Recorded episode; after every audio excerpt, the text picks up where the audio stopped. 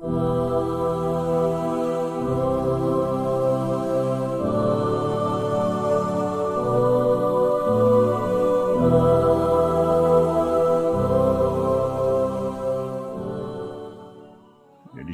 jalan untuk orang ini kemudian agar membanggakan diri cukup luar biasa, kudaannya luar biasa.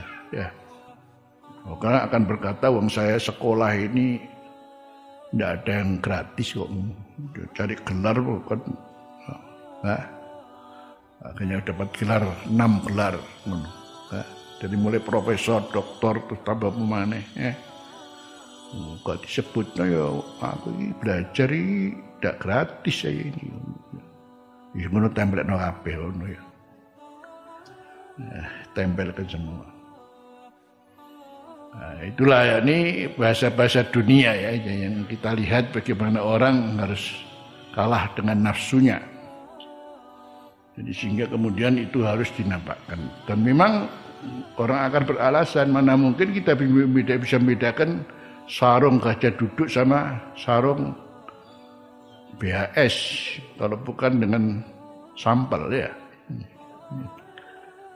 Atau roti yang harganya cuma seribu rupiah dengan roti yang harganya ah, katakan 5 juta. Kalau bukan karena juga ada sampel yang berbeda iya tapi ya sampelnya panganan nisan gono mangan roti capek nisan pangan ini roti apa? Eh, harganya sampai 5 juta sampai dia. Ini roti cuma roti sisir cuma seribu rupiah. Iya, tapi setelah dimakan kan sekaligus tempatnya dibuang di sampah lagi. Jadi mestinya begitu dia orang berpikir kalau dia jujur siapa manusia itu sendiri. Nah, baru kemudian bisa ikhlas karena Allah. Apalagi dalam hal beribadah.